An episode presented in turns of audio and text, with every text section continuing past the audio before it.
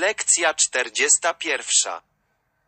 SM4 うつかヘリコプター。SM4 うつかヘリコプターは、工学修士の監督の下、PZL シフィドニク工場の設計チームによって設計されました。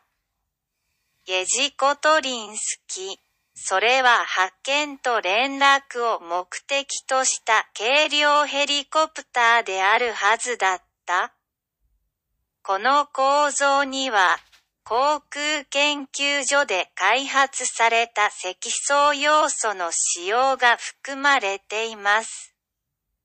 ローター、キャノピー、スキットランディングギア、テールブームスタビライザー。テールローターは積層板で作られることになっていました。このプロジェクトの作業は1961年に始まりました。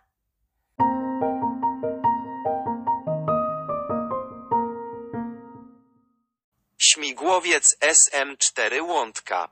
Śmigłowiec SM-4 Łądka został zaprojektowany przez zespół konstrukcyjny zakładów PZL Świdnik pod kierunkiem magister inżynier Jerzego Kotlińskiego. Miał to być lekki śmigłowiec przeznaczony do celów dyspozycyjno-łącznikowych. W konstrukcji przewidziano zastosowanie elementów laminatowych, których produkcję opracowano w Instytucie Lotnictwa.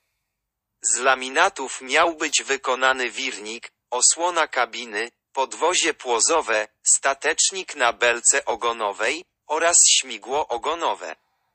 Prace nad projektem rozpoczęto w 1961 roku.